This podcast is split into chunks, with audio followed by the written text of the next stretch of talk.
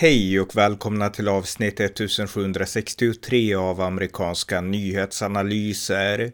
En konservativ podcast med mig, Ronny Berggren, som kan stödjas på swishnummer 070-30 28 95 0.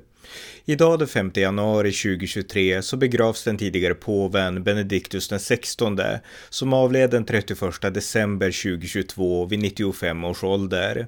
Här berättar jag om honom och vad som gjorde honom så viktig i försvaret av det västerländska idéarvet. Varmt välkomna! Ja, eftersom det här är dagen när den tidigare påven Benedictus XVI begravs så tänkte jag ta tillfället i akt att berätta lite om hans intellektuella och akademiska eftermäle. Eh, jag själv var på min första katolska mässa 2004, eh, det var faktiskt i USA, och eh, fick ett visst intresse då för katolicismen. Och eh, bara året därefter så blev ju Benedictus den 16, eller Josef Ratzinger som han då hette, ny påve, som när han då efterträdde den tidigare påven Johannes Paulus den andra. Och eh, jag insåg snabbt att Benedictus den 16 är en djupt intellektuell person. En person som kan reflektera och som skriver fantastiska skrifter. Och jag började uppmärksamma det i samband med att Benedictus den 16 höll ett tal i Regensburg i Tyskland på sitt gamla universitet där, där han pratade om skillnaderna mellan islam och kristendom. Fast det var egentligen inte huvudsyftet med hans tal, utan han ville prata bara om resonemangets roll i tron. Men han gjorde ändå en jämförelse mellan eh, historisk islamisk syn och historisk kristen syn, där resonemanget är en viktig del av den kristna teologin, medan islam faktiskt legitimerar tvångskonverteringar med våld på ett helt annat sätt. Och eh, att han sa så genom att citera en Eh, en eh, kristen kejsare på 1400-talet. Det väckte såklart ett ramaskri i världen och eh, det blev anklagelser om islamofobi och det ena och det andra. Men jag tyckte det var jätteintressant. Dels att ha en person som så tydligt vågar göra de här dis dis distinktionerna och som har en sån här topposition i, i världen och i samhället. För jag menar, de flesta på den tiden var väldigt PK, de ville prata om att islam och kristendom är likadana och sådär. Och sen har vi påven som säger att nej men så här är kristendomen och så här kan vi se att islam har varit. Sen sa han inte att islam alltid var så och sådär, utan det var verkligen ingen svepande målning. Men han gjorde ändå liksom en viss kontrast och backade inte från den. Och det tyckte jag var väldigt fascinerande. Och när man läste hans resonemang så insåg man ju wow, här har vi en, en påve som är, som är djup, som är akademiker. Så att eh, det gjorde att jag blev verkligen intresserad av just den här påven Benediktus den 16, därför att han var en antivok på, påve. Alltså jag tappade intresset lite grann 2013 när han Eh, avgick och efterträddes av Franciscus därför att Franciscus var mycket mer trendig, mycket mer PK, ville prata mycket mer om ja, men klimatet och liknande. Medan Benedictus XVI, han var en påve som verkligen gick mot strömmen och då inte utifrån någon slags eh, tvärs, att han bara ville vara tvärs eller att han var liksom bakåtsträvare, utan han gick mot strömmen därför att han var förankrad i historien. Han sa tydligt att så här säger teologin, så, så här säger historien, det här är kursen vi måste gå. Eh, det var liksom Benediktus 2016 där. Och det var en form av ledarskap som fascinerade mig och eh, jag pratar ju ofta i de här poddarna om vikten av, av, att värna västvärlden, det västerländska arvet, att förstå västvärldens historia. Och eh, ingen i modern tid har förstått den historien och eh, stått upp för den lika tydligt som påve Benediktus den 16. Men det är någonting som de flesta inte känner till, därför att katoliker, när de pratar om påven, så vill de gärna liksom betona hans mjuka sidor, att det var en snäll man och han var, han var inte alls den här pansargeneralen som han framställde framställdes som. Och, de vill gärna betona liksom att liksom tona ner det här kontroversiella så att säga då. Eh, Medan protestanter, de läser oftast inte katolska påvarskrifter så att protestanter kan ingenting. Så att det här är en eh, det är ett intellektuellt arv som har gått de flesta förbi. Och jag tänkte ta tillfället i akt och att berätta lite om det. Men om vi börjar med grunden, med vem Josef Ratzinger som han hette innan han blev påve eh, faktiskt var. Josef Ratzinger, han föddes 1927 i Bavaria i Tyskland och eh, hans pappa var polis och det här var en tid då när nazismen började få uppgång i Tyskland och pappan då, han var en tydlig antinazist, vilket gjorde att familjen utsattes för en del trakasserier och en kusin till Josef Ratzinger som hade down syndrom, han mördades också av nazisterna. Eh, Josef Ratzinger själv, han blev 1941 när han var 14 år gammal inskriven i Hitlerjugend. Eh, alla tyska pojkar i den åldern, de blev ju inskrivna obligatoriskt i Hitlerjugend och eh, även så Josef Ratzinger. Han var ingen nazist, men han var en, ändå en del av Hitlerjugend och eh, ja, eh, så, som alla tyska pojkar. Och han, eh, han deltog också i det tyska luftvärnet i försvaret mot, jag vet inte, ryssarna, men kanske också de allierade. Eh, efter kriget då, 1945, då sattes han i fångläger av de allierade, som, som han gjorde med, med krigsfångar. Och eh, sen släpptes han då i slutet av kriget. Och eh, efter kriget så gick såväl han som hans bror Georg eh, in och började studera på ett pressseminarium och eh, de båda ordinerades till präster 1951 och eh, samtidigt så skrev Josef Ratzinger en avhandling som handlade om kyrkofadern Augustinus på 400-talet. Eh, sen så fortsatte han då sin, sin akademiska studier och sin prästgärning. Ehm, 1962 då inleddes ju det historiska andra Vatikankonciliet. Katolska kyrkan har ju haft en del koncilier under sin nästan 2000-åriga historia och ehm, Andra Vatikan, Vatikankonciliet var ett sådant koncilium där man då skulle fastslå kyrkans läror utifrån liksom historien, teologin och liksom relatera till samtiden i viss mån. Och eh, Josef Ratzingers roll där, han var ganska ung då, men han, han var delaktig som teologisk rådgivare åt kardinal Fringe av, av Cologne. Eh, så att han var där som teologisk rådgivare på andra Vatikankonciliet.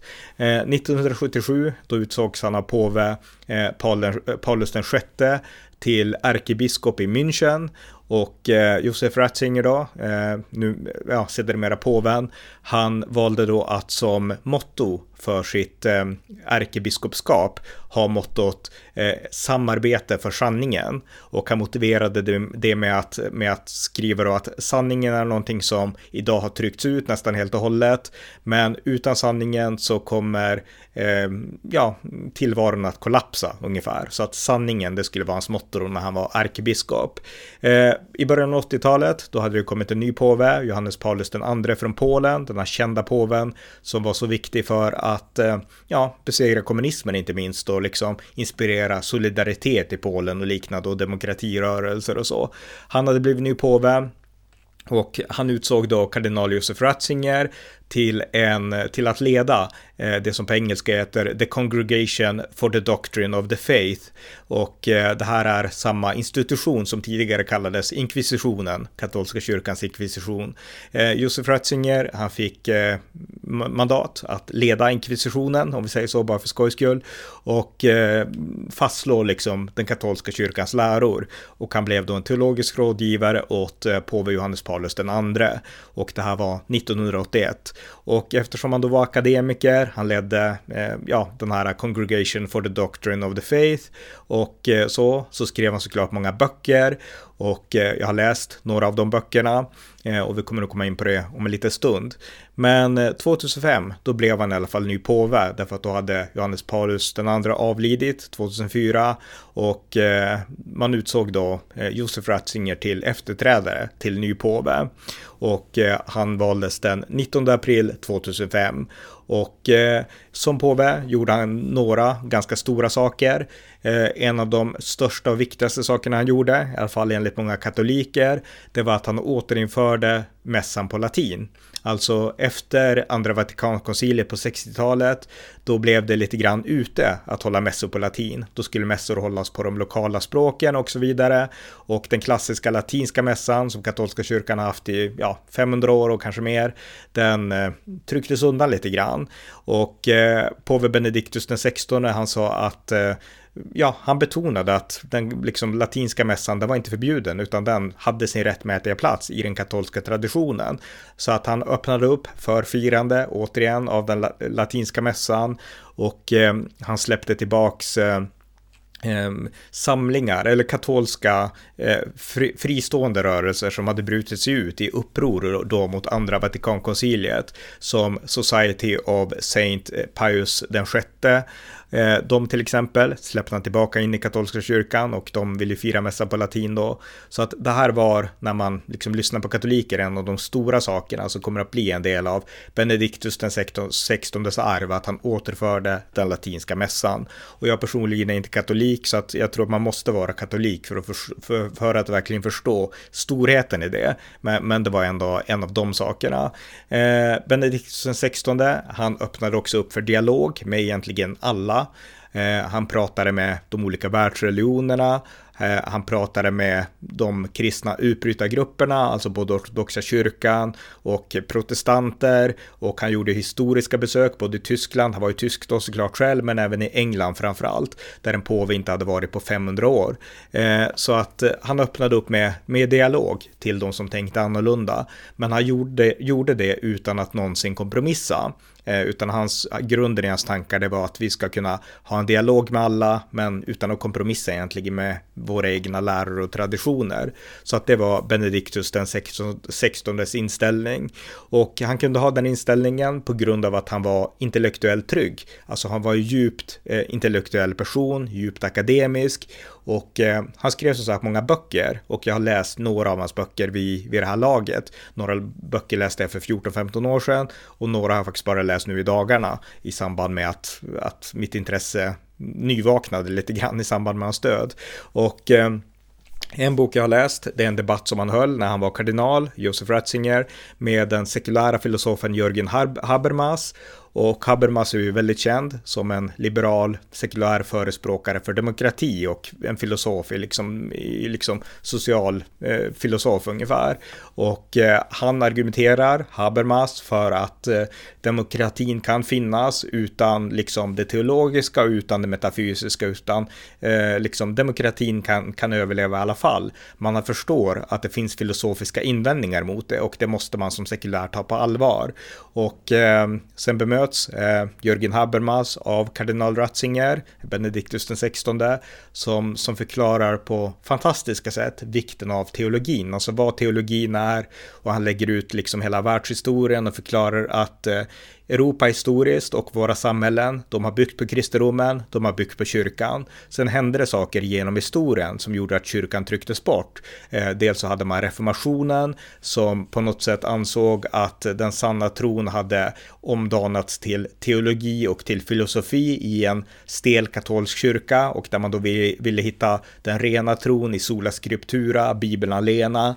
Eh, och eh, då tryckte man undan lite av det här kristna filosofiska som ändå hade byggt Europas samhällen, förklarade påven. Han förklarade vidare att i samband med upplysningen, när det kom tänkare som Immanuel Kant och andra, då blev det mer betoning på det metafysiska istället för det teologiska och sen så blev det betoning på det subjektiva empiricistiska, alltså det vi kan upptäcka som subjektiva människor, det är liksom så vi upptäcker sanningen, det är så vetenskap fungerar. Alltså man forskar, man upptäcker någonting och sen så inser man att det här är sanning, därför att här kan vi se liksom empiriska, eh, här kan vi dra empiriska slutsatser av händelser eller saker som vi kan iaktta och studera. Och eh, det resonemanget, om man liksom bara har det som kriterier för sanningen, förklarar påven, då utesluter man teologin. Därför att de här äh, sanningskriterierna som är viktiga för ren vetenskap, naturvetenskap, eh, det exkluderar ju lite att det skulle kunna finnas en sanning utanför oss. Utan sanningen, det är föremål för vårt subjektiva. Men vad teologin tillför, förklarar då påven eh, i sin diskussion med Habermas, det är att den konstaterar att det finns en sanning och den här sanningen är verklig och den ger oss en god effekt även om vi inte har upptäckt den. Alltså vi kan utifrån vår subjektiva förståelse upptäcka sanningen, men teologin, det ger perspektivet, det ger de svar som, som teologin i sig själv säger sig ha, nämligen att Gud finns, att det finns en mening med livet och liknande saker. Det är saker som inte riktigt kan upptäckas med bara empirin, men däremot så vad empirin gör, om den liksom tillåts vara den alenarådande guiden, den alenarådande kompassen för att hitta sanningen, det är snarare att lobotomera människor lite grann till att utestängas från de teologiska sanningar som människor genom hela historien empiriskt och subjektivt har upplevt varit sanningen, men som liksom om det helt utesluts som en liksom möjlighet till en förklaring av tillvaron och förklaring av verkligheten, då blir människan fattigare därför att då har de bara sig själv att orientera sig utifrån. Och eh, det kan låta bra för en modern människa, men det är empiriskt belagt inte bra. Och eh, påven förklarar då i diskussionen om det sekulära och det demokratiska samhället att i slutändan så kommer samhällen som är helt sekulära och utestänger sig själva från det här inte att fungera. Och han förklarar också att det subjektiva, det gör också att lagar och liknande kommer alltid i slutändan i ett sekulärt samhälle att vara ytterst förankrade i det subjektiva.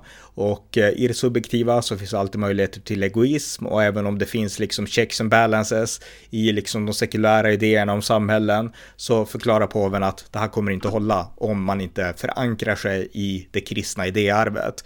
Och jag kan inte förklara hans tankar lika bra som han själv kan, så att jag rekommenderar att läsa hans skrifter. Men han för ändå väldigt otroligt intressanta resonemang. Han har också en bok som handlar om Europa, om Europas historia, där han förklarar då att Europa är mer än bara en geografisk plats. Primärt är Europa en plats av idéer och de idéer är i grund och botten kristna. Idéarvet från judendomen och från Grekland, det som är det kristna då. Sammanblandningen mellan religion, tro och eh, rationalism, alltså tankar och resonemang. Det är kristendomen, förklarar påve Benediktus den 16. och eh, han eh, konstaterar att Europa eh, har helt glömt det här. Vi håller på att förirra oss och han menar då att vi förirrar oss i sekularism och eh, sekularismen bryter ner Europas grundläggande identitet. Och nu har vi kommit till ett stadium, förklarar påven, där Europa upphöjer egentligen allt annat som inte är europeiskt. Man upphöjer andra religioner och andra kulturer, men man älskar inte längre sig själv, skriver han klart ut.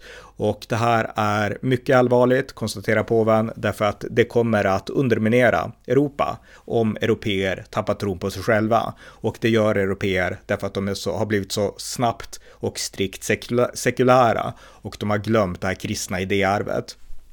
Så att det här är otroligt intressanta tankar så, som han lyfter fram och han var verkligen inte rädd. Han var inte rädd för att vara politiskt korrekt och han var inte rädd för att säga vad han tyckte. Och han, han förklarade även sin syn på andra frågor och kanske ännu mer kontroversiella frågor. Homosexualitet, där förklarade påven att det var kristendomen som införde normen om heterosexualitet och äktenskap mellan man och kvinna. Och det har ingenting med liksom intolerans mot personer att göra, men påven konstaterar likväl att om Europa släpper det här, eh, idén om äktenskap mellan en man och en kvinna, då kommer också Europa, som ändå har byggt på de här idéerna som kristendomen införde. För kristendomen skiljer sig i de här avseendena från länder i Asien historiskt, från islam och från liksom den prekristna världen, utan kristendomen införde idén om äktenskap mellan en man och en kvinna, monogama äktenskap. Och eh, om Europa släpper det och eh, tappar det helt och hållet, då kommer Europa att luckras upp, för äktenskapen har varit så viktiga för den europeiska ordningen, konstaterar Benediktus den 16 och det här fick han såklart kritik för och han var alltid ödmjuk. Det här var en väldigt försiktig man, alltså till sin personlighet var han verkligen ingen pansargeneral utan en försiktig, lugn och liksom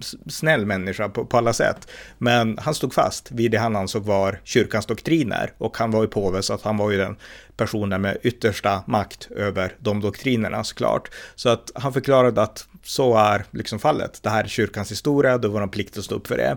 Han var också en stark abortmotståndare och eh, abortmotstånd i liksom debatten som, som råder nu, det har varit en stor debatt om det här utifrån högsta domstolens beslut i USA och debatten i, i en amerikansk kontext. Eh, det utgår nästan alltid från att kvinnan måste ha rätt att själv be, fatta beslut om sin egen kropp. Och eh, jag tycker också det, alltså personligen, att det är ju kvinnan ytterst som måste bestämma. Det är hennes subjektiva liksom, beslut över hennes eget liv. Och eh, sen så får man räkna in barnet också såklart, men det är kvinnans beslut. Det är liksom min politiska hållning i det här.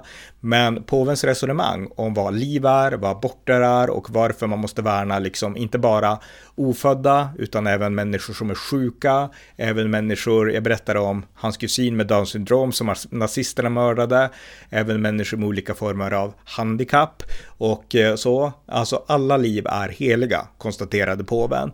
Och eh, vi måste betrakta liv som heligt oavsett liksom vad den personen kan tillföra. jag menar en äldre person kan inte arbeta, men en äldre persons liv är lika heligt som en ung persons liv. Alltså påven drog den här linjen därför att det som händer annars, det är att mänskligheten till slut, kanske inte liksom på studs, men till slut så faller man alltid in i det här subjektiva, där en människa ska besluta över värdet av en annan människas liv. Och det är det som kan bli så fel. Och påven konstaterar att det har vi också sett i historien. Och skyddsvallen mot det, det är de kristna lärorna om livets okränkbara värde. Och jag menar, det resonemanget, det kan man bejaka, även om man liksom anser att eh, ytterst, till exempel aborter, så måste ju kvinnan såklart fatta det beslutet. Men det går egentligen att, inte att invända mot påvens resonemang att, eh, att eh, man måste liksom ha den här filosofin av att hålla livet heligt. Därför att om det här, liksom, om makten över vad som är heligt och inte bara ges till den subjektiva människan, då kommer den subjektiva människan i, i sin svaghet någon gång att överträda det här. Och det kan, som historien visar, sluta i katastrofer. Och jag menar, det här är ett resonemang som han, påven, återigen kan redogöra mycket bättre än jag och som han redogör i sina böcker och skrifter. Men det är ett resonemang som är intressant och som alldeles för sällan tas upp, till exempel här i Sverige då. Så att jag tycker han var otroligt intressant utifrån de här sakerna. Och sen var det ju så då, när det kommer till islam så höll han ett tal i Regensburg, hans gamla studentstad, 2006 höll han det talet, där han då skulle prata om eh, kristendom och eh, eh, resonemang, alltså liksom resonemanget och rationalitetens plats i kristen tro, som han då ansåg var central och att det här var en central del av den kristna läran, att Kristus var logos, det grekiska ordet, Guds ord och att eh, kristendomen förenade verkligen tro och resonemang och det var det som protestanter inte riktigt förstod och det var det som de som bara ville betona det filosofiska inte heller förstod. Men den kristna tron, den liksom synkroniserade Eh, tro och resonemang och påven förklarade att det som är kristendomen, ingendera utesluter det andra. Och eh, då tog han då eh, den bysantinske kejsaren Manuel den andre som exempel på 1400-talet som då hade argumenterat med en persisk muslim om islam. Och Manuel den andra, han hade då sagt att en religion som vill påtvinga eh, sig själv med hjälp av våld. Det är ju fruktansvärt och Eh, Eh, ja, Mohammed gjorde så, men, men inom kristendomen så måste man resonera och det enda sättet att få någon annan att tro någonting det är genom liksom avancerade resonemang, förklarade den här bysantinske kejsaren Manuel II på 1400-talet. Och det var det som påven citerade för att då påvisa att eh, resonemanget har en central plats i kristen tro, men han gjorde där också en liten pik mot islam, där resonemang inte var liksom av samma vikt, utan där, där våldet inom teologin och utifrån Mohammed var Mohammed Mohammed gjorde och sa liksom påbjöd våld på ett helt annat sätt. Och det här väckte ett ramaskri över den muslimska världen och det ironiska med det här, det var att man reagerade med att påven sa så här att eh, kristendomen betonar resonemang medan islam öppnar upp för våld. Och då hävdade hela islamvärlden vad islamofobiskt det var, hur kan man säga så? Och reaktionerna som följde, det var inte resonemang, utan det var våld. En katolsk nunna i Somalia blev mördad och ambassader på Västbanken brändes därför att påven hade indikerat att det fanns våldstendenser i islam. Och då protesterade man det genom att bedriva våld. Jag menar det, alltså ni förstår själva ironin i liksom det beteendet och det agerandet. Men det var i alla fall det som hände. Och påven när han beklagade att hans ord hade blivit mottagna så, för det var inte det han sa. Och jag har läst hans tal och faktum är att han i talet säger till och med uttryckligen att eh, så här sa Manuel den andre och det här är liksom hårt uttryckt av honom och så här uttrycker man sig inte men så här sa han ungefär och det här är liksom poängen det här med tro och resonemang. Så att påven redan i sitt tal intar en mycket mjukare förhållning till islam än vad Manuel den andre gjorde. Men det ignorerades helt av alla som analyserade talet och det ignorerades såklart av muslimvärlden. Men det här var ett häftigt tal där han ändå vågade liksom stå upp för det här. Och påven har skrivit ofta och liksom gjort såklart en distinktion mellan moderata muslimer och sådana som bin Laden som var ja, mer aktiv då att prata om på 2000-talet än idag för nu är han död. Men eh, eh Påven gjorde olika exempel, men han betonade ändå alltid att eh, den kristna världen, eh, det är liksom en annan sak än den islamiska. Den islamiska världen har andra värderingar än den kristna. Och historiskt, i katolska kyrkan och Europas historia, för det är ett och samma sak i mångt och mycket, så har liksom kontrasten alltid varit mellan det kristna och det islamiska, som i mångt och mycket har hotat det kristna, förklarar han en av sina böcker. Så att han är väldigt eh, frispråkig och väldigt tydlig också i sin sin, förståelse av historien. Och eh, han konstaterar också att eh, i förhållande till, jag vet inte om man skriver islam, men alltså att Gud blir större när vi förstår honom. Eh, inom till exempel islam så finns ju det här blindat, liksom man får inte kritisera Gud, man får inte liksom ifrågasätta och sådana saker, utan man ska bara tro blint ungefär. Och påven konstaterar att Gud blir större när vi förstår honom, inte tvärtom. Eh, alltså de som menar att Gud inte är bunden till någonting, utan att Gud, och han tar, jag tror han tar liksom islams Gud som exempel, eh, det är liksom en bild av Gud, att Gud kan göra vad som helst, Gud står över principerna, han står över naturlagarna, står över, över allt. Och tror man så, då blir det en blind tro på något liksom, ja, vi ska börja tro för att Gud är större ungefär. Medan han konstaterar att i det kristna resonemanget, kristen tro och resonemang, där blir Gud stor ju mer man förstår honom, inte genom att man bara stänger av och liksom accepterar att man kan inte förstå något och Gud är stor, utan insikten om att Gud är stor, det kommer eh, i samband med att man förstår mer och mer av Gud. Och det är det som den kristna tron ger. Den kristna tron ger en möjlighet till förståelse av det gudomliga genom uppenbarelse och genom förståelse av att Gud är inte någon som bara agerar irrationellt och så kan befalla vad som helst, utan Gud följer sina, av de lagar som han själv har tillsatt, naturlagar och liknande och eh, liksom det är så vi kan upptäcka Gud genom att resonera oss fram eh, och det är så vi kan förstå Guds storhet. Och eh, det här är filosofi Eh, men det är också kärlek, därför att den kristna tron är kärleken till Gud. Men kärleken till Gud utesluter inte resonemangen, Eh, förklara påven. Så att det är djupt intellektuellt och han vänder sig mot det som kallas deheleniseringen av kristendomen som kommer från olika håll, där man då vill ta bort det här grekiska ur det kristna och liksom på något sätt skära bort idén om resonemang, logos, till förmån bara för den här blinda tron. Och påven konstaterar att kristendomen är båda dera och vi måste värna mot de krafter som liksom vill slita bort det ena eller det andra. Och eh, för det är bara när vi värnar det här som vi behåller det unika med kristendomen, att vi kan upptäcka Gud och liksom lära känna honom genom att förstå honom mer och mer.